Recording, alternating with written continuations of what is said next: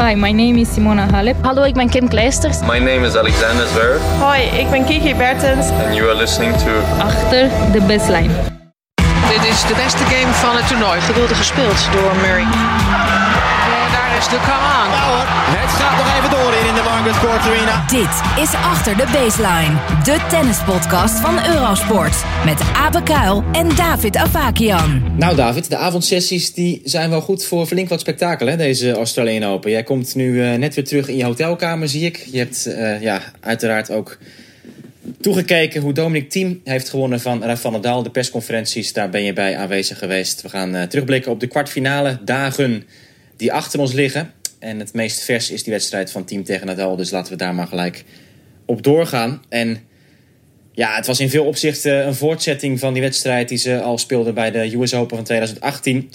Met een ongelooflijke uh, ja, hoeveelheid aan rallies waarin ze helemaal elkaar kapot speelden. Je kreeg al bijna spierpijn uh, naar het kijken van, van die punten. Het niveau ongelooflijk hoog. Team die dat nu ook de hele wedstrijd volhield. In tegenstelling tot New York was het nog een beetje met ups en downs. Hij in een vijfde set tiebreak in 2018 van Nadal. En nu, de tiebreak, ja, was de vriend van Dominic Thiem. Hè? Niet één keer, niet twee keer, maar zelfs drie keer. Hij wint met 7-6, 7-6, 4-6 en 7-6. David, en hoe heb jij uh, gereageerd op die wedstrijd? Wat was jouw uh, beleving uh, daarbij? Nou ja, ik, ten eerste de, de beleving in het stadion was natuurlijk uh, geweldig. Iedereen zat er helemaal in. De sfeer was, uh, was geweldig. De mooie paarse lucht uh, boven Rod Laver. Uh, wat je echt alleen in Melbourne hebt. die kleur van de lucht. En um, ja, ik, ik, ik heb gewoon heel veel flashbacks naar, um, naar US Open ook. Wat jij net, net aangaf. En ik kon toevallig bij die wedstrijd op de US Open... om een of andere reden echt plaatsnemen bijna, bijna op de baan. Want ik zat in die fotografenzone ja, op dat moment... En dat is een van de meest indrukwekkende dingen die ik ooit heb meegemaakt, sowieso in, uh, in dit vak. Want ik, ik zag daar dat ze na vier uur op de baan gestaan te hebben, zag ik team nog steeds uh, services van 230 km per uur staan. Alsof ze net aan die wedstrijd waren begonnen. En dat fysieke element, inderdaad, wat je net ook uh, aansnijdt. Ja, dat is in die wedstrijd, of wat in die head-to-head -head van, van team en Nadal natuurlijk ja, het opvallende. Het is zo ongelooflijk. Die, die rallies zijn zo slopend en er wordt zoveel baan natuurlijk ook uh, afgedekt. En dat heeft natuurlijk alles te maken ook met, met de positie van de beide heren... die ongelooflijk natuurlijk achter die baseline staan. Waardoor het allemaal nog extremer lijkt. Uh, en ja, ik, ik, ik, ik heb met, uh, met, met bewondering zitten kijken naar hoe gedisciplineerd... en hoe, hoe goed het team was en hoe hij eigenlijk de hele wedstrijd door... bijna altijd die ballen met, uh, met, met heel veel vertrouwen en met heel veel diepte eigenlijk wist te spelen... Uh, en ik had een beetje een soort omgekeerd gevoel. Ik zat te kijken naar Nadal, die uiteindelijk een wedstrijd verliest op een manier zoals hij hem zo vaak heeft gewonnen in zijn carrière. Dat je, het is natuurlijk heel vaak geweest dat spelers uh, een voorsprong hadden, zoals Nadal dat had in deze wedstrijd. En in de eerste set en in de tweede set uh, een voorsprong. En dat hij dan alsnog die wedstrijd ja. verliest. En hoe vaak hebben we Nadal dat niet zien doen, hè? Op die manier. Dus nou, dat is een beetje... Ik wil, hem eigenlijk, ik wil hem eigenlijk doortrekken. Want niet alleen, niet alleen puur aan die cijfers is het heel vaak omgekeerd dan wat Nadal... Um, in zijn carrière heeft meegemaakt. Ik, ik, ik vond het ook aan de reacties de hele tijd tussen de punten door. Normaal gesproken zie je de tegenstanders van Nadal natuurlijk wanhopig reageren... als er weer ergens uit uh, de hoek 7 meter links van de tramrails... nog een bal wordt weggeplukt ja. uh, tot een winnaar in, de, in het hoekje van de andere baan. En dat de tegenstander denkt van ja, weet je, dit kan toch eigenlijk helemaal ja. niet. En vandaag, ik, ik, heb, ik heb volgens mij nog nooit zo vaak bij Nadal... een blik op zijn gezicht gezien van verbazing van ja, wat mijn tegenstander nou doet, dat, dat, dit gaat gewoon te ver. Dit is gewoon buitenproportioneel. Dit, dit, dit kan helemaal niet. Dit mag helemaal niet mogen dat hij zo'n bal slaat. En dat kwam regelmatig terug. En dat was ook zo, want ja, je zag natuurlijk dat Nadal um, ook flink aan het jagen was de hele tijd. Hij wilde ook de, de agressor zijn waar het kon. En ja, en, en, en Team die komt dan in één keer met, met, met zo'n zo'n mokerslag. Zo, die die ja. power die hij heeft, die, die volgens mij nagenoeg ongeëvenaard is. Misschien een beetje alle Wawrinka ook. Uh, als je iemand me moet vergelijken daarmee. Dat hij in één keer zo'n vlakke klap kan uitdelen. Uh, met zowel zijn voorhand als zijn backhand. Ja, en, en daarmee dus in één keer up dat, dat punt kan overnemen. En dat was dus wat Nadal zo vaak uh, verraste vandaag. En wat echt de doorslag heeft gegeven in de wedstrijd. Ja, ja. In de wedstrijd. Want hè, er is natuurlijk altijd de discussie van... houdt Nadal nou van een trage baan of houdt hij van een snellere baan? Nou ja, vanavond had Nadal echt meer baat gehad bij een snellere baan. Omdat... Um, hij toch iets meer spin in die slagen had. En die ballen bleven net een fractie te lang hangen. Waardoor team dus die enorme overnames kon, eh, kon plaatsen regelmatig. En, en dat, dat, dat beet Nadal echt, ehm, ja, nipt hem in de butt. Hè? Dus, dus zoals ze het in het Engels dan zeggen. Dat, dat, dat deed hem gewoon pijn. En, en dat was eh, toch op cruciale momenten vaak eh, doorslaggevend. Ook vooral aan het einde, hè? die vierde set tiebreak. Ja, volkomen mee eens. En één ding wat je eerder in je verhaal zei, daar wil ik op inhaken. eh, dat dat, dat eh, team op, uit, uit ongelofelijke hoeken en standen die ballen terug wist te krijgen. Dat is ook iets wat Nadal na die wedstrijd eh, in zijn persconferentie meerdere keren aangaf. De de, zeg maar, het vermogen van team om vanuit ja, onwerkelijke posities echte kwaliteitsballen, of misschien soms zelfs winners te slaan. Dat is toch echt wat, wat bij Nadal is blijven hangen. En, en eerlijk is eerlijk, Nadal die gaf ook aan. Weet je, ik, natuurlijk, ik had kansen gemist. Ik heb voorsprongen gehad. Hij heeft natuurlijk setpoint op eigen service gehad, wat hij niet, eh, niet kon pakken aan het begin. Uh, maar hij gaf ook gelijk toe dat uh, dat team deze wedstrijd verdiende te winnen en eigenlijk gewoon de betere was. En Nadal die is natuurlijk altijd ontzettend onder de indruk van team. En hij, hij haalt ook altijd die, die attitude aan van team waar hij ongelooflijk van, van kan genieten. En ja, het is, hij legde zich erbij neer. En ik denk dat dat, ja. dat ook nou, een terechte conclusie is. Dat team de betere was gewoon. Ja, ik, ik, ja, goed. Ik denk dat het, gewoon, ik denk dat het een 50-50 wedstrijd is. Dat je, dat je het zo, uh, zo kunt zien. En uh, ja, goed, die tiebreaks die waren natuurlijk uh, opvallend. Dat Nadal ontzettend veel servicepunten verloor in al die tiebreaks. En ja, aan de andere kant, het team die had in de vierde set natuurlijk de kans om het af te maken. Maar ook aan het begin van die set lag echt een sleutelpunt. wat normaal gesproken juist zo'n moment is waarop Nadal dan echt een, een, een wedstrijd naar zijn hand kan zetten. Wat hij nu niet deed, want hij had die derde set gewonnen had hij breekkansen aan het begin de vierde set, pakte ze niet. Werd daarna ze gelijk zelf gebroken. Ja, ja en, en je mag er toch vanuit gaan als hij daar die break wel had gemaakt... dat, dat uh, de kans vrij groot was dat we een vijfde set uh, gezien zouden hebben. En dat hij misschien wel terug had kunnen komen van die 2-0 achterstand in sets. Maar ja, weet je, het is, uh, die wedstrijd in New York was eigenlijk 50-50. Ja, daar had Nadal het, het geluk tussen aanhalingstekens.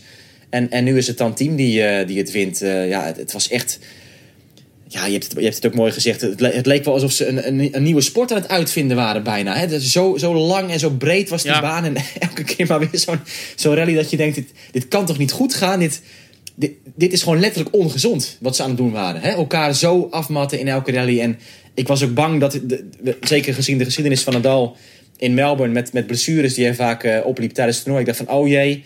Ja. Als er straks maar uh, niet ineens in, in zijn lies schiet of, of, of wat dan ook, weet je...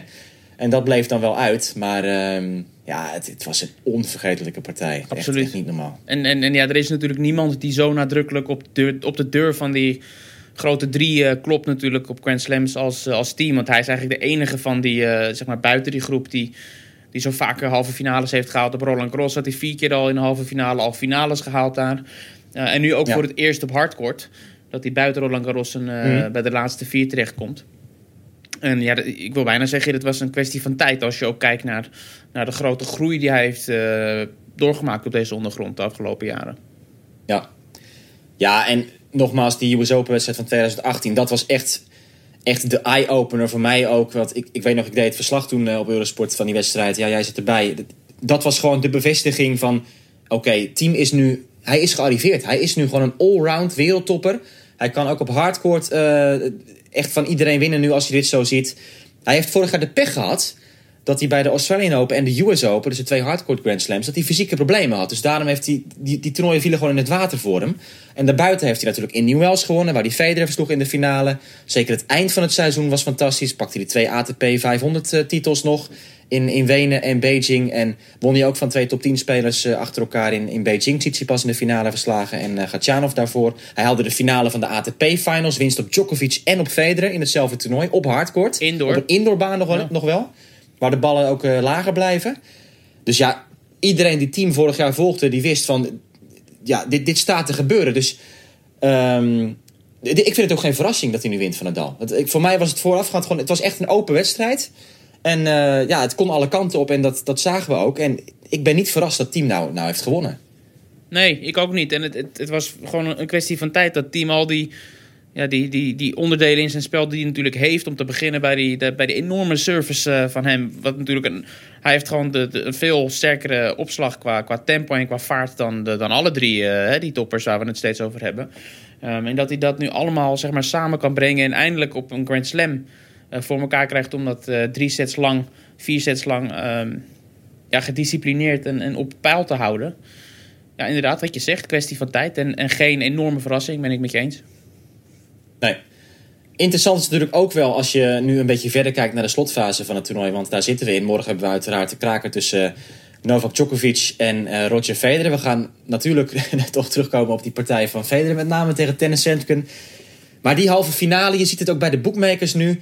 Ehm, Djokovic is de ultra-favoriet tegen Federer. Het schijnt dat Federer nog nooit in een wedstrijd zo'n enorm, enorme underdog is geweest. Sinds hij natuurlijk eh, echt, echt de Roger Federer is geworden. Want als jij 1 euro inzet op Djokovic morgen... dan zijn er bookmakers waar je nog niet eens 10 cent terugkrijgt voor die euro. Dat je nog geen 10 cent winst Ja, maakt nee, als je maar- 1 euro op Djokovic morgen inzet. Dus de, de verhoudingen zijn, zijn enorm in het voordeel van Djokovic. En ik wil even mijn, mijn verhaal afmaken. Want eigenlijk lijkt Team misschien wel de grootste kans hebben om Djokovic hier van een achtste titel af te houden. De laatste vijf partijen, Team tegen Djokovic, vier zegens voor Team. Oké, meeste was op gravel, maar goed, bij de ATP-finals won hij ook van Djokovic. Dus misschien is dat wel de droomfinale. Als we een spannende finale willen hebben in, eh, in Melbourne, Team tegen Djokovic, dan lopen we wel een beetje op de zaken vooruit. Maar dat is natuurlijk wel, eh, ja, zeker iets, iets, iets noemenswaardigs. Nee, ja, 100%. En, en ik, ja, op zich dat boekmaker-verhaal, dat vind ik volkomen logisch. Want eh, iedereen heeft natuurlijk die wedstrijd gezien van Federer, waar we het zo meteen uitgebreid over gaan hebben. En ehm, ja, eh, weet je, als, als, Federer in zo'n zo'n fysieke, als hij 100% is, hè, dan, eh, dan is het al hartstikke lastig om, om kans te maken tegen Djokovic, laat staan als hij dat niet is. Dus dat vind ik allemaal niet zo schokkend. Maar inderdaad, de, de matchup Djokovic tegen, tegen team, dat is nu absoluut wat je zegt. Eh, ook op, op basis van natuurlijk eerdere resultaten. Ehm, ja, denk ik de meest spannende de partij. Dat ben ik met je eens. Ja. Sandgren, David. Dat Ja. was ook eh, een avontuur, toch?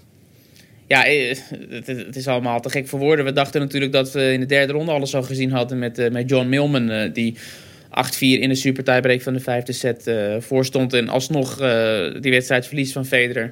Nou ja, we zijn nu twee wedstrijden verder. En, eh, en, en we krijgen eh, iets anders wat eh, compleet bizar is. Federer die, ja, die ogenschijnlijk gewoon oké is aan het begin. De eerste set wint. Maar ja, daarna eigenlijk compleet van de rails afschiet. Zowel fysiek als qua tennis. En alles gaat mis. Verliest twee keer 6-2, 6-2 van ja, de nummer 100, hè, Tennis Sandgren. En eh, ja, eigenlijk hield iedereen er rekening mee dat die wedstrijd niet uitgespeeld eh, zou gaan worden. Misschien. Het enige houvast wat je dan nog hebt is, is de wetenschap dat Federer nog nooit een wedstrijd heeft opgegeven waar hij aan is begonnen. Ehm, en dat het ook eh, waarschijnlijk bij hem meespeelt. Van dat, dat is toch iets waar hij trots op is. Dat heeft hij vaak genoeg gezegd. En dat, dat zal hij niet zomaar natuurlijk opgeven, die, die statistiek. Ehm, ja, goed, eh, we kunnen alles wel doornemen. Hij ging van de baan af, hij werd behandeld en eh, li- liesklachten en hij komt terug. En hij beweegt op een gegeven moment helemaal niet in die wedstrijd. Dan eh, komt hij 2 en achter te staan en, en, en lijkt hij zich aan te passen aan zijn eh, ja, gebrekkige mobiliteit en het op andere manieren te proberen. Zijn service-snelheid neemt af, dat komt later weer terug. En aan het einde van de rit weet hij gewoon zeven matchpoints tegen zich te krijgen.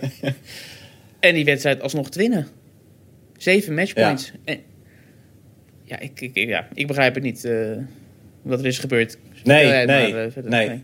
Jij gaat voor commentaar Ja, nou ja, ik, to- ja, toevallig heb ik zowel die, die Milman-wedstrijd als, als gisteren eh, tegen Sandkun van commentaar voorzien. En nou ja, ik wil wel even benadrukken, want die, die pijn van Federer, hij zei ook zelf, ik kreeg er pas last van halverwege de tweede set. Dus, dus het slechte begin van de tweede set had daar nog niet mee te maken. Hij kwam 3-0 achter. En hij was, hij was ook al echt al rommelig vanaf het begin hoor. Want het was, hij wint die eerste set met 6-3. Maar het was echt geen, geen best tennis. En, en toen begin niet. tweede set, toen, toen keek je ook en dacht, wat, wat is hij nou aan het doen? Dat hij 3-0 achterkwam met, met allemaal eigen fouten. En, eh en, en, Sandkun was niet best in de eerste set. Dus we, we keken naar een hele rare partij. Nou ja, en, en toen kwam dat hele fysieke verhaal er inderdaad bij eh, van Federer. En, en dacht je van ja, goed, dit, dit, is, gewoon, eh, dit, is, dit is gewoon klaar. Dit, dit heeft geen zin meer. en, dat dacht Federer zelf ook, hè, natuurlijk. Hij, hij had een unieke uitbarsting. Althans, ehm, vooral wat het opleverde was uniek. Want hij werd natuurlijk bestraft voor een, een, eh, een verbal abuse. Hè, dat hij, dat hij iets, eh, iets riep wat, eh, wat niet door de beugel kon. En dat kwam Federer na afloop op een tweede boete pas te staan in zijn hele carrière in een Grand Slam toernooi. 3000 dollar geloof ik, hè? Australische Ja. dollar. Ja. En de laatste keer was in de US Open finale van 2009 tegen Juan Martín del Potro. De enige eerdere keer dat Federer een boete kreeg voor eh, ja, zijn gedrag in een Grand Slam wedstrijd. Maar dat was ook een moment waarop Federer... Hij, hij had die frustratie omdat hij voelde van... Ja, ja mijn lichaam werkt niet meer goed mee. En, eh, en het wordt waarschijnlijk niks meer. En ja, goed, uiteindelijk is het natuurlijk gewoon... eh, zit, je- zit je echt met, met, met pijn in je hart... voor Tennis Sandgren die slotfase te bekijken natuurlijk. Want na het verliezen van die vierde set, die zeven matchpoints... moest hij nog een vijfde set gaan spelen. Dat was op zich natuurlijk al een, Ja. al een marteling. En ehm, ik Ja, moet zeggen, hij deed het nog best goed. Het viel niet tegen. Hij, hij ging echt de strijd nog aan. En je zag natuurlijk die houding wel van... Potverdikkie, wat is me nou toch overkomen hier? En eh, ja... Ja, en hij kreeg natuurlijk nog een, nog een beuk van, eh, van het ballenkind. Ja. Hè? Dat was Echt alsof, alsof de tennisscholen van boven meekeken en zeiden... Ja, dit gaan we niet laten gebeuren, dat Federer op deze manier eh, hier verliest. We moeten alles in het, in het werk stellen om hier, eh, om hier in te grijpen. En, Ja. en, ja, dat nog nooit gezien natuurlijk. Tennisscholen met een I, hè? Niet met een Y helaas voor, voor Sandgren. Ja, Hij had is- niet zijn eigen goden, helaas. Nee, het was de meest merkwaardige Ja. wedstrijd. En, en ik, ik zit nog steeds in mijn hoofd. ehm, heb ik eerder tegen jou vandaag gezegd ook. eh, we hebben natuurlijk contact gehad. Dat, dat als je die twee wedstrijden bij elkaar optelt, Milman en, en eh, Sandgren. Dat hij dus tegen Milman 8-4 achter staat. En dan, ja, eh, wat is het? zes punten op rij wint. En tegen Sandgren zeven matchpoints. Dat hij dus bij elkaar opgeteld op 13 ja, punten die echt om leven of dood gaan ja, gewoon in die rally blijft hangen. En niet degene is die op een of andere manier in de fout gaat. Want Federer is natuurlijk een geweldige speler. En misschien wel de beste alle tijden. Maar we weten ook dat hij eh, af en toe wel eens een onnodige fout eh, hè, doorheen eh, wil gooien. En dat komt dan niet. Nou, dat zei hij zelf ook in zijn persconferentie. Hè? Dat, dat, hij, dat hij dacht van ja, de- misschien komt dan weer een shank of zo. Weet je, een framebal Ja. is dat dan Ja. Maar dat gebeurt niet. Maar dat, dat was hij zelf ook al bijna verrast over, ja. Ja. Dus dat, dat is echt, eh, echt wonderlijk. En, en, ja, beide tegenstanders die, eh, die gaven dat natuurlijk aan. Hè? Dat, dat, dat op, die, op die momenten, dan staat hij er wel. Hè? Op, op, een of andere manier. Of soms is het natuurlijk helemaal niet in zijn hand. En sloegen en Sandgren en Milman eh, een ongelooflijke eigen fout zelf. Maar ja, hij geeft het niet zomaar weg. En dat is toch hartstikke knap en, en mooi om te zien op, op zijn leeftijd. En om dat vuur allemaal nog, nog mee te maken dat hij, dat hij tot het uiterste wil gaan. Ja. En eh Sandgren, hoe zat hij erbij dan eh, in de persconferentie? Nou, ik, dat was echt een, een grafstemming, hè, noem je dat, denk ik. Die kwam binnen en die, dat, ja, dat, dat loopje, eh, zeg maar, die perszaal in was al eh, vrij moeizaam. En hij, hij ging zitten als een soort eh, zak eh, aardappelen. En ehm, ja, hij kreeg ook een, buitengewoon ongelukkige eerste paar vragen... eh, waar, waar de journalist ja, een beetje theatraal zei van en. Hè? Niet echt een vraag stelde, maar een soort eh, voorzetje gaf. En ja, dat zet ik natuurlijk totaal geen zin in op dat moment om een beetje mee te spelen met zo'n journalist. Die, zegt, ja, wat is dit? Dit is geen vraag, zei hij. Stel die vraag. Eh, maar ja, uiteindelijk eh, nam hij ook gewoon die wedstrijd door en was hij ontzettend gefrustreerd. En, en ja, ja, goed, alles wat je, wat je kan, kan, kan bedenken. Hij kon er totaal geen, eh, geen positieve punten noemen op dat moment. Hij zei, ik heb best aardig gespeeld, maar ik, ik, ik kan op dit moment nou niet zeggen dat ik hier echt eh, hè, voor de toekomst heel veel eh, ja, positieve, positiviteit uit kan halen. En dat ik hier echt iets aan heb. Want het is gewoon natuurlijk een, ongelooflijke zure nederlaag. En ja, dit gaat hij natuurlijk nooit, eh, nooit vergeten. Ik kan me zo voorstellen dat hij gewoon eh, de komende drie maanden eh, ramen dicht, gordijnen dicht en eh, niet meer naar buiten. Ja. Nou ja, wat mij wel opviel is dat hij ehm, een beetje tegen het eind van die persconferentie... Ik, heb, ik, ik lees die, die, eh, die transcripts altijd. Dat, dat hij zei van... ehm, eh, er kwam iets van een vraag van... Over de gemiste kansen, die matchpoints natuurlijk. En hij zei van, nou ja, weet je, eigenlijk valt het wel mee. D- Oké, waren het zeven matchpoints? Want nou ja, ik heb er maar één op mijn eigen service gehad. En kijk, als ik nou zes matchpoints op mijn eigen service had gehad... Dan, dan was ik echt helemaal gek geworden, zei hij. Ja, wij hadden, wij hadden wel heel erg dat wij naar al die matchpoints zaten te kijken. En met de journalisten onder elkaar dachten we van... Jezus, je hebt nu, je hebt nu zeven matchpoints gehad. Op een gegeven moment had je er drie op rij. Weet je, ros gewoon een keer een return eh, hè, op, op, op volle kracht en kijken waar die landt. Eh, wij, wij hadden heel, heel sterk het, eh, het gevoel van... Hij, hij gaat er niet echt voor. Hij had één keer een punt waarop hij echt de trekker overhaalde. Met een backhand langs de Ja, lijn langs de wilde spelen. Dat vond hij... ach- Hij gaf in de persconferentie aan dat hij dat eh, wat onverantwoord vond eh, achteraf. Maar ja, bij, als je bijna al die andere punten kijkt, is het gewoon eh, een rally waarin hij vrij behoudend speelt. Ehm, Ja, hij, hij, hij, ja, vond- hij won wel de meeste rallies, hè? ja, Hij won is- wel de ja, meeste rallies. Maar is wel heel voorzichtig op dat moment. En ja, dat is uiteindelijk toch niet... eh, hij vond het zelf niet overigens. Want hij gaf aan, ik heb alles geprobeerd. En ik heb de trekker overgehaald. En ik heb geprobeerd de rally aan te gaan. En ik ben naar het net gelopen. Het hielp allemaal niet. En ehm, ja, je gaat gewoon onderuit. Ja. Oké, ehm Federer tegen Djokovic. eh, dus, dus morgen inderdaad Djokovic tegen Raonic. Ja, dat gaan we even kort houden, want we moeten toch een beetje keuzes maken waar we dieper op ingaan eh, nu. En het, het was natuurlijk toch weer, zoals we altijd hebben gezien hè, van Djokovic, straightforward. met, de- met Raonic omgaan eigenlijk, Ja. nooit van hem verloren. En ja, het was natuurlijk extra balen voor Raonic, wat we ook al van tevoren zagen aankomen. Dat hij in de avond speelde, omstandigheden wat trager. Dat, dat verklaarde de Canadees zelf ook. Dat, eh, ja, dat geeft, dat heeft net nog die fractie extra tijd aan Djokovic Ja. om die ballen terug te brengen. Toch, desalniettemin, als je het ziet hoe, hoe hij gewoon in die services valt van, van 220. En het is, ja, het, het blijft gewoon ongelooflijk. En zeker natuurlijk als, je, als jij zelf, zoals jij in het stadion zit en je, en je maakt dat mee, dat, dat, het, dat het zo, het ligt zo nauw om zo'n bal goed te timen. En Ja. De, de, de consequentheid waarmee hij dat, eh, dat kan, Djokovic, is echt, eh, echt, echt Ja. waanzinnig. Nou eh, goed, het zien. is natuurlijk ook algemeen aangenomen dat het de beste retourneerder eh alle tijden is eigenlijk. Ja. Dus eh, dat is echt wel zijn ding. Hij kan, ehm, hij kan weer nummer 1 worden, Djokovic, omdat Nadal voorafgaand aan de halve finales heeft verloren. Als hij het toernooi wint, dan wordt hij weer nummer 1 van de wereld. Novak Djokovic. En natuurlijk die partij tegen Federer is nog leuk om te melden Ja. dat, dat Djokovic zeven keer heeft gewonnen en Federer zes keer. Dus dat zijn eh 13 titels eh, eh, tegen, tegen elkaar Ja. morgen. Maar goed, ik, daar wil ik nog wel één ding over zeggen. Ook terugkomend op dat hele bookmaker verhaal. Ik, ik, kijk, als, als zeg maar die, die statistiek er niet was geweest dat Federer of nooit een wedstrijd heeft opgegeven en ook nooit op een Grand Slam toernooi een walkover heeft gegeven. Hè? Wat, wat natuurlijk bij andere toernooien wel eens gebeurt. Dat hij gewoon niet eens de baan opstapt. Dat is nog nooit gebeurd op een Grand Slam toernooi. Maar ik, ik, kan, me toch, ik kan me toch niet voorstellen dat, dat, dat Federer ehm, enige kans maakt. Enige kans maakt. En Nee. dat, dat, dat, dat het sowieso een, eh, een, een, een, een spannend... Zeker niet omdat het ook een avondpartij is nog. Dus dat en is nog avondpartij, extra. eh, precies. Ik, ik- ja. Hij zal waarschijnlijk wel gewoon eh, komen opdagen om, om niet zomaar een halve finale Grand Slam toernooi natuurlijk eh, verloren te laten gaan met het publiek en, en ook voor Djokovic. En het moment is daar te belangrijk voor. Maar of het een serieuze wedstrijd gaat worden, dat kan ik me niet, eigenlijk niet voorstellen. Nee, je bent een beetje bang dat, eh, dat het een pijnlijke avond gaat worden hè, voor Federer. Hij heeft Ja, vandaag ja. niet getraind, maar dat schijnt wel de, de, de bedoeling te zijn geweest. Om dat sowieso niet, niet te trainen. Ja. Om het lichaam gewoon te laten herstellen. Het heeft niet per se te maken met die pijn in zijn lies die hij had.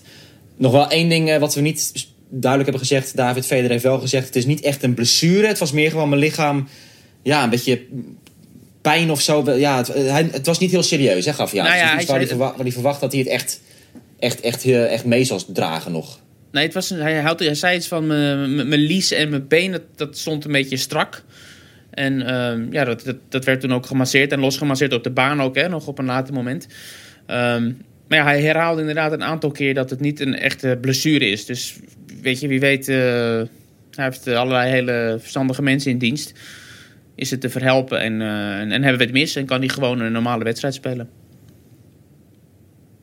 Dan de laatste halve finalist. Eindelijk, zei hij na afloop. Eindelijk heeft hij een halve finale gehaald van een Grand Slam toernooi. Alexander Zverev. Ja, weet je, we hebben het elke keer eh, al gezegd. Hè? Het, het is wonderlijk de timing waarop dit allemaal gebeurt. Hè? Eigenlijk de enige speler in de top 10 waar misschien helemaal geen rekening mee werd gehouden dat hij, eh, dat iets ging presteren hier eh, in Melbourne dit jaar. En uitgerekend hij komt er doorheen. En ja, het hele verhaal, verhaal van hem hier is natuurlijk bijzonder. Ook met al die opmerkingen over het prijzengeld. Hè, wat, hij, wat, wat hij heeft gemaakt. Dat hij dat weg gaat geven aan, aan de hulpverlening rondom al die bosbranden hier in Australië. Het lijkt wel alsof hij eh, hè, zichzelf volpompt met positieve, met positieve eh, energie. Eh, en, en een soort van iets om wil zetten om, eh, om, om zeg maar, tijd te keren voor hem en zijn carrière op dit moment. En ja, hij, hij haalt gewoon hier de halve finale en hij wint eh, ja, eigenlijk uiteindelijk vrij eenvoudig van Stan Wawrinka in vier sets.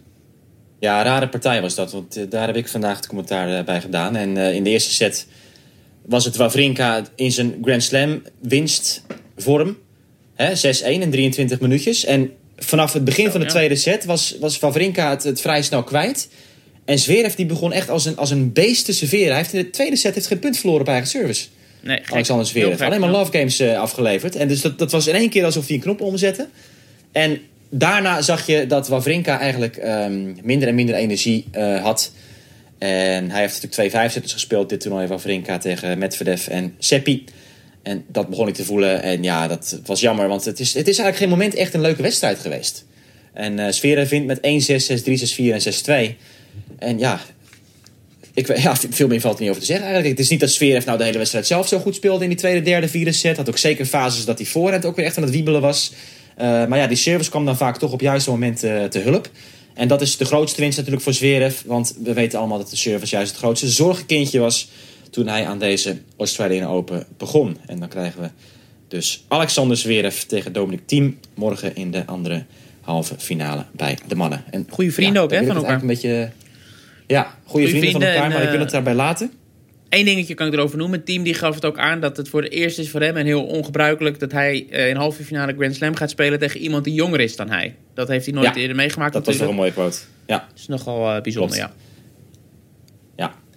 Eh, de vrouwen, David. De halve finales daar. Dat zijn Barty tegen Kenin. En Halep tegen Muguruza. Nou, Simone Halep die won van Kontaveit met 2 keer 6-1. Daar hoeft eh, verder niet heel veel meer over gezegd te worden. Halep die op jacht is naar een eh, tweede finale plaats natuurlijk in Melbourne. Zij speelt tegen Garbine Muguruza. Die won van Anastasia Pavlyuchenkova. Muguruza, even kort daarop inhakend, David. Ja, dat was natuurlijk een, een, een pikant duel voor haar. Omdat ze ineens haar oude coach in de spelersbox aan de andere kant eh, zag zitten tegen Pavlyuchenkova.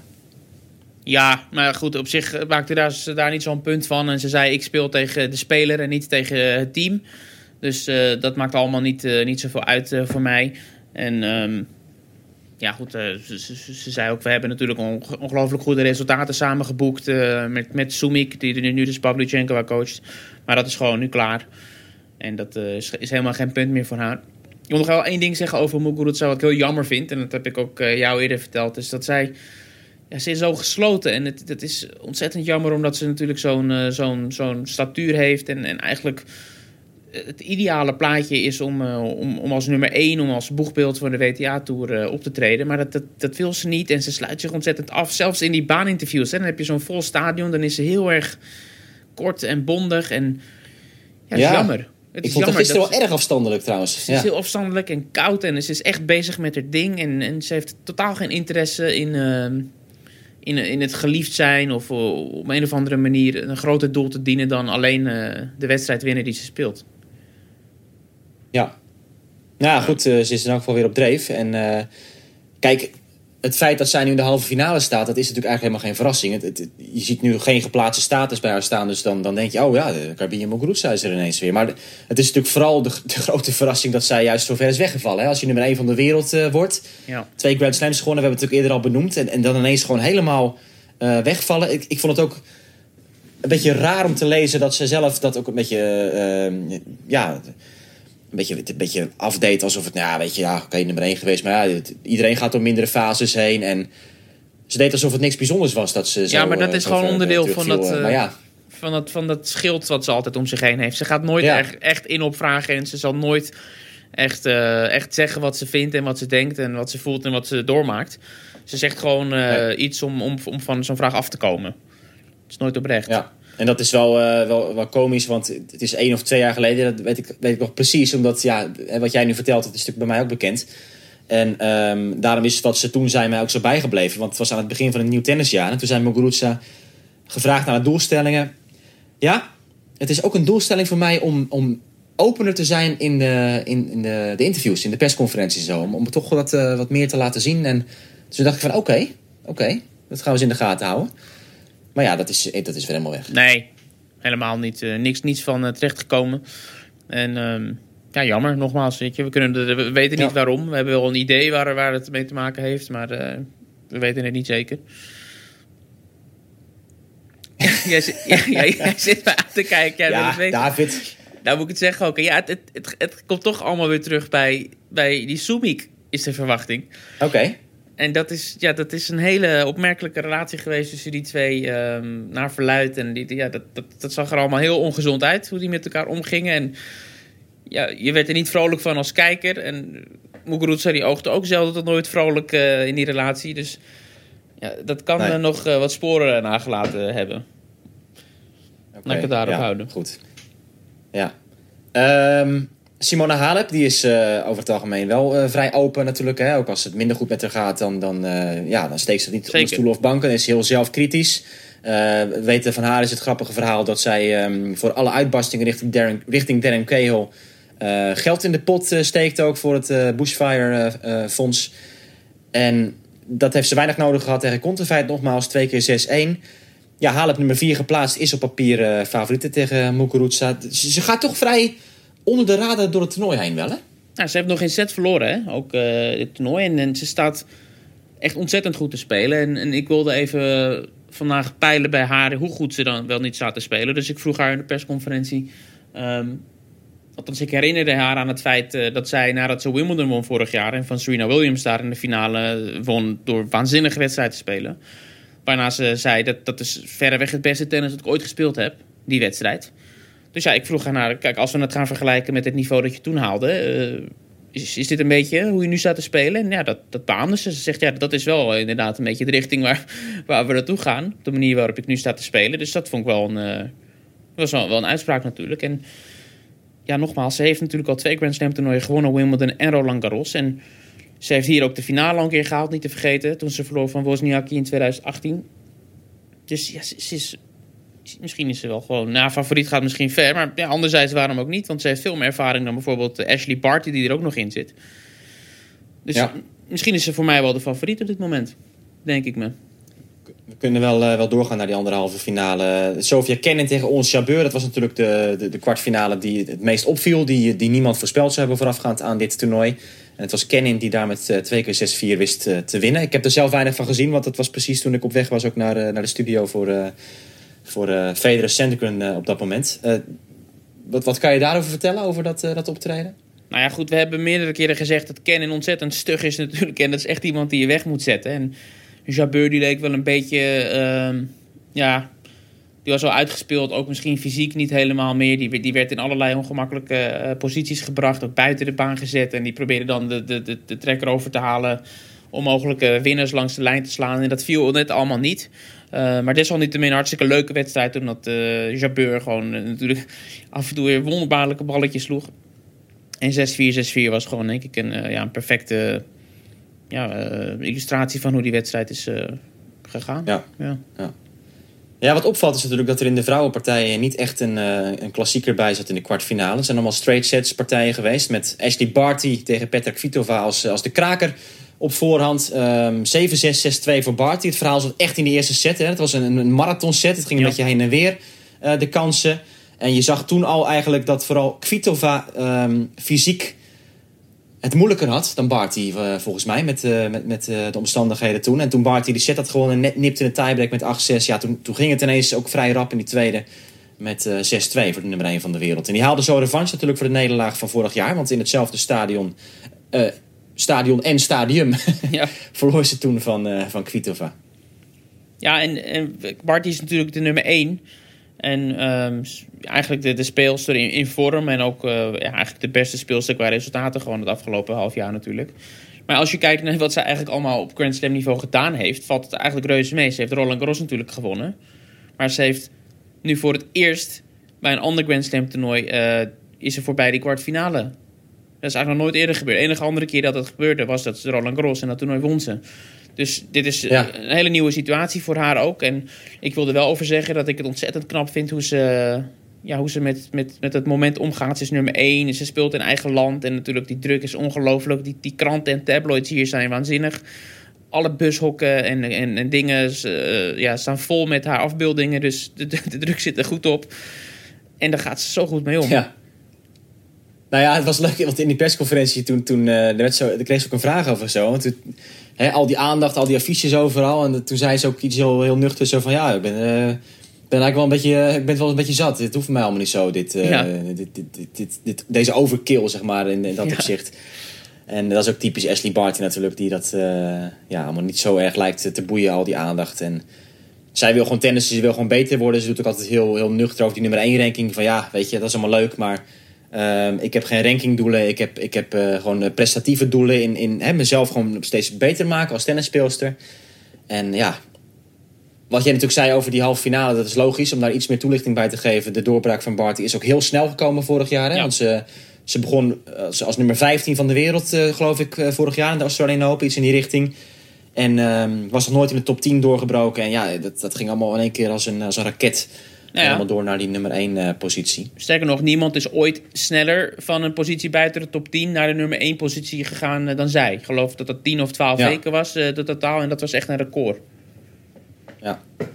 Nou ja, leuke matchup, Barty tegen Cannon. Ja, het, is natuurlijk heel raar hè, als we nu kijken naar het toernooi, hoe het de laatste dagen zich ontwikkelt. Ik kan me voorstellen dat de luisteraars ook heel weinig hebben gezien van de vrouwenpartij die we net hebben besproken. Want alles wordt overdag gespeeld.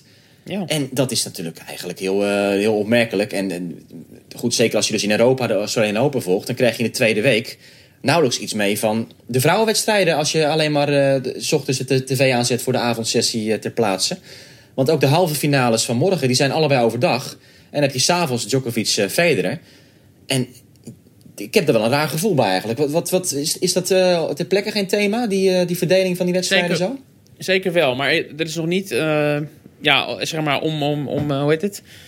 Om verhaal eh, gevraagd eh, bij de toernooileiding. Maar ja, een beetje de collega's kennende zal dat wel komen. Maar je bent zeker niet de enige wie dat is opgevallen. Want ja, het voelt toch een beetje als, als, als die vrouwen een beetje hè, afronden, hè, snel overdag. En dat we dan als primetime eh, aankomt, dat we dan naar de mannen gaan kijken met z'n allen.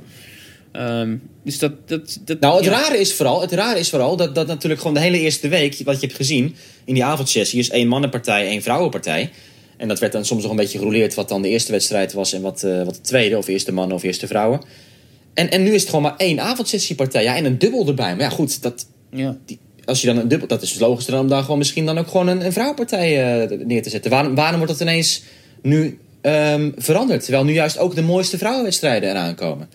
Dat vind ik een beetje een, eh, een rare situatie en ik snap dat niet zo goed. En het is al jaren zo dat dat in de tweede week heel apart wordt ingedeeld daar in, eh, in Melbourne. Met natuurlijk ook één halve finale van de mannen morgen al. Dan heeft de winnaar daarvan twee dagen rust voor de finale, terwijl de ander op vrijdag speelt. Dat is ook altijd natuurlijk wel een, eh, een voordeel als dat een slopende vijfzetter oplevert Ja. voor, ehm, voor de winnaar.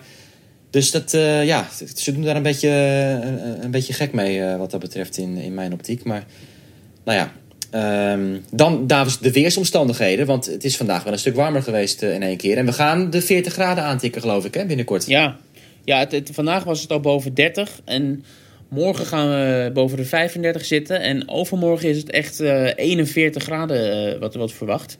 Tja, Ehm, ja, dat, dat wordt natuurlijk iets, iets, iets heel bizars. Want al die spelers hebben dat in die eerste week totaal niet meegemaakt. En dat, ze kennen het natuurlijk wel van voorgaande jaren. Maar ja, dat is wel even een omschakeling. En, ehm, maar dan hebben we het over vrijdag. En vrijdag is dus, vrijdag is, is dus alleen maar die avondpartij. ja, de halve finale. Dus dat, dat scheelt dan al wel. Ja. Dat scheelt zeker, ja. Ehm, maar aansluitend op het verhaal wat je over die vrouwen houdt. Want de vrouwenfinale is ook gewoon een avondwedstrijd. Dus die, die vrouwen hebben Ja. dan natuurlijk de hele week alleen maar overdag gespeeld. En alleen de finale spelen ze dan om half acht. Dus dat is ook weer eh, zoiets opmerkelijks. Dat Ja, ze dan dat ineens in hele andere omstandigheden worden geplaatst. Ja. ja, dat is een goed, eh, goed punt. Ja. Ehm, dan een andere eh, situatie nog waar in Australië heel weinig aandacht voor is eh, eh, gegeven. Maar wat zeker wel even benoemd moet worden. Want Margaret Court is natuurlijk geëerd. Hè, voor die, die, dat het Ja. 50 jaar geleden is dat zij haar Grand Slam won. Vorig jaar gebeurde dat met Rod Laver. Dat was echt een hele happening. En nou ja, de, de, de groot feest. En er gebeurde nu vooral, voor, sowieso die ceremonie. Wat heb je daarvan meegekregen zelf? Nou ja, die ceremonie werd eigenlijk helemaal niet zo gepromoot.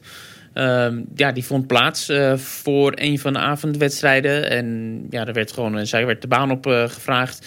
Niet in haar eigen stadion, Margaret Court Arena, maar op de Rod Laver Arena, de grote, het grote hoofdstadion. En er was geen presentatie of wat dan ook. in de zin van dat er iemand met een microfoon haar. Dat ze, kreeg het woord niet. Laat ik het daarop houden. Ze werd geëerd en dat was het. Stilletjes ging dat voorbij. Ze kreeg gewoon ja, een, een, een, zacht applausje. Er was verder geen, geen gekkigheid rondom. En ja, we moeten misschien even uitleggen waarom, eh, waarom het allemaal is. Want eh Margaret Nou ja, het, het gaat, het gaat vooral op wat er daarna gebeurde ook. Hè? Dat, eh, dat, ja, ik heb net uitgelegd dat, dat het dus 50 jaar geleden is dat zij haar, haar Grand Slam won. En ehm, nou ja, je hebt in de podcast hiervoor ook al samengevat dat Margaret Court natuurlijk ja, bepaalde standpunten heeft over het leven. Hè? Laten we het zo zeggen. Ja. Dat, dat zij tegen de hele integratie van, van eh, nou ja, homo's, lesbiennes, et cetera, dat ze daar niet zo'n voorstander is. Eh, Anti-abortus eh, ook nog. En zeer conservatief ingesteld. Zo kunnen we het Ja. allemaal onder één paraplu vatten. En ehm, ja, dus, dus de- kwestie was al, moeten we haar eren ja of nee? Nu is het zo, die ceremonie werd dus vrij beperkt gehouden. Maar wat gebeurde er na die ceremonie, David? Want dat is natuurlijk wel vooral interessant. Ehm, nou, dat gebeurde, je bedoelt wat er met, met John McEnroe en Martina Navratilova Ja. gebeurde? Ja. Nou ja, dat zijn dus eh, twee eh, oud-collega's van Margaret Court. En die hebben helemaal genoeg van eh, de uitspraken eh, ja, van, van haar. En die, die hebben ja, een, een soort, hè, een soort actie eigenlijk gedaan door op een van de banen met een soort spandoek rond te lopen. En, en daarop eh, aan te geven dat ze, dat ze af willen van de Margaret Court Arena ook. Het tweede stadion. En dat ze dat willen herbenoemen. Althans, voor hun zou het ideaal zijn als dat een andere naam krijgt. En als eh, voorstel hebben ze dan gegeven de Yvonne Goolagong Arena. En dat is een, een andere Australische speelster die, eh, ja, die, die wel eh, zeer geliefd is. En die, die er alles aan doet om, om, om, om, alles bij elkaar te houden. En positieve standpunten heeft. En niet zo'n nare smaak hè, rondom haar heeft hangen als Margaret Court.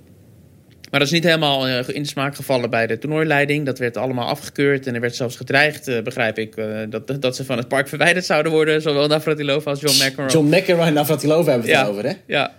Eh, en, en alle camera's die op dat moment stonden, die werden meteen ook uit het stopcontact getrokken. Dat, dat moest allemaal een beetje onder de pet gehouden worden. Ja, dat, dat geeft wel aan dat, dat het echt een, een, een thema is. En dat, dat het een hele ongemakkelijke situatie is dat je zo'n stadion hebt met zo'n naam erop. En, en zo'n vrouw die, die ongelofelijke dingen heeft gepresteerd. Maar tegelijkertijd eigenlijk ongewenst is. Ja. Maar ja, het is, natuurlijk, het is natuurlijk apart dat zoiets eh, gewoon keihard wordt gecensureerd. Hè? En, en Ja. ik begrijp ook dat, eh, ja, dus inderdaad de camera's die stonden erop en er werd, werd gelijk weggeschakeld. En nou ja, Ja. wat je zegt, eh, het, het mag gewoon niet, niet uitlekken, Nee. zo'n zo'n protest. En ik ben ook wel benieuwd of, of McEnroe en Navratilova daar nog meer aandacht aan zullen geven. Maar ze hebben zich eh, verontschuldigd al wel, hè? Ja. Ze hebben al Ja. gezegd van ja, het hadden we beter niet moeten kunnen, eh, kunnen doen. En, eh, Ja. Nou ja, eh, ik, ik kan iedereen aanraden om de, het Eurosport-clipje van John McEnroe te kijken... waarin hij eh, gehakt maakt van Zeker, Margaret Court. ja. En hij legt het allemaal veel beter uit wat het issue is dan, dan wij dat hier doen. Dus ehm, ja, zoek dat op, zou ik zeggen. Het is een Eurosport eigen... commissioner, ja. Ja, de commissioner. Zeker. Het item van eh, John McEnroe als de commissioner dat over Margaret Court gaat. En eh, waar hij niet mals is ook in zijn oordeel over die grote Australische kampioenen die ze wel was op een tennisbaan. Laten we dat eh voorop stellen. Ja. Dan, David, eigenlijk mijn laatste agendapuntje. En dat heeft dan toch nog een Nederlands tintje. Want er was vandaag ehm, ja, een, een grote verrassing. Want onze eigen Diede de Groot, die het rolstoeltennis toch redelijk heeft gedomineerd de laatste eh, Ja. ja, twee jaar zo'n beetje wel. Hè? Ja. Eh, wat was het? Zes van de laatste acht Grand Slam titels eh, gewonnen, dacht ik. Klopt, ja. Ehm, en die verliest in de eerste ronde vandaag. Ja, en dat niet alleen. Ze verliest van een speelster die nog nooit eerder op een Grand Slam toernooi heeft gespeeld. Eh Zhen Zhenzhou, Chinese speelster die, die eigenlijk voor het eerst eh, ja, hoog genoeg was in de ranking om deel te nemen. En dat had er alles mee te maken dat zij niet genoeg toernooien speelde voorheen. Ehm, en die, die verslaat inderdaad eh Diede de Groot. Maar dat kan ik wel enigszins nuanceren. Want eh Diede, hoe goed ze ook is, heeft, heeft een beetje problemen gehad met haar rug de afgelopen tijd. Heeft in het off-season eigenlijk niet kunnen trainen zoals ze wilde trainen. En heeft, ehm, ja, die, die, die, die vond dat ze wel fit genoeg was op dit moment om te spelen. Maar de voorbereiding was gewoon gebrekkig. En eh, ze is hierheen gekomen zonder eh, al te grote verwachtingen. En, en ja, dat, ging mis. Het was nog wel opmerkelijk dat eh die Chinese 10 matchpoints nodig had om, om te winnen van Diede. Dus ze heeft er echt alles aan gedaan. Maar ja, ze maakte, ik heb haar Ja. gesproken achteraf en het was allemaal niet... ze was teleurgesteld uiteraard, maar ja, ze, ze begreep waardoor dit kwam, zeg maar. Ja. Oké, nou ja, dat, ehm, dan hebben we volgens mij de round-up weer gehad, David. We hebben de wedstrijden van, eh, van morgen ook al een beetje eh, besproken natuurlijk. Het is ja, een- morgen een volgepakte dag met de halve finales bij de vrouwen overdag. En dan s'avonds Federer Djokovic. Vervolgens hebben we overmorgen alleen maar eh, team tegen Zverev. Ja. Wij gaan dan na die halve finales weer onze volgende podcast opnemen. Sterkte met de hitte zou ik zeggen, David, de komende dagen. Potverdorie, ja. Ik, ik ben er geen fan van, nee. Maar ja, ik heb andere journalisten gezien die, eh, die waren al aan het feest vieren. Dus eh, ja, ik ben de enige. Zo lijkt het. Oké, nou. Binnen is er wel eh goede airco volgens mij in de perszaal. dus Ja, dat, airco eh, die dat functioneert heel goed. In. Nadal ook, hè, vandaag in de weer met die airco. Was nog wel grappig eh, tijdens de wedstrijd. Ja, met zo'n ja. eh, met zo'n eh, Ja. slurf eh, waar koude lucht uitkwam. Ja, precies. Oké, nou dat was hem dan weer voor, eh, voor deze aflevering. Dank natuurlijk weer voor het luisteren. En nogmaals, wij zijn er overmorgen weer na de halve finales met onze volgende aflevering van Achter de Baseline.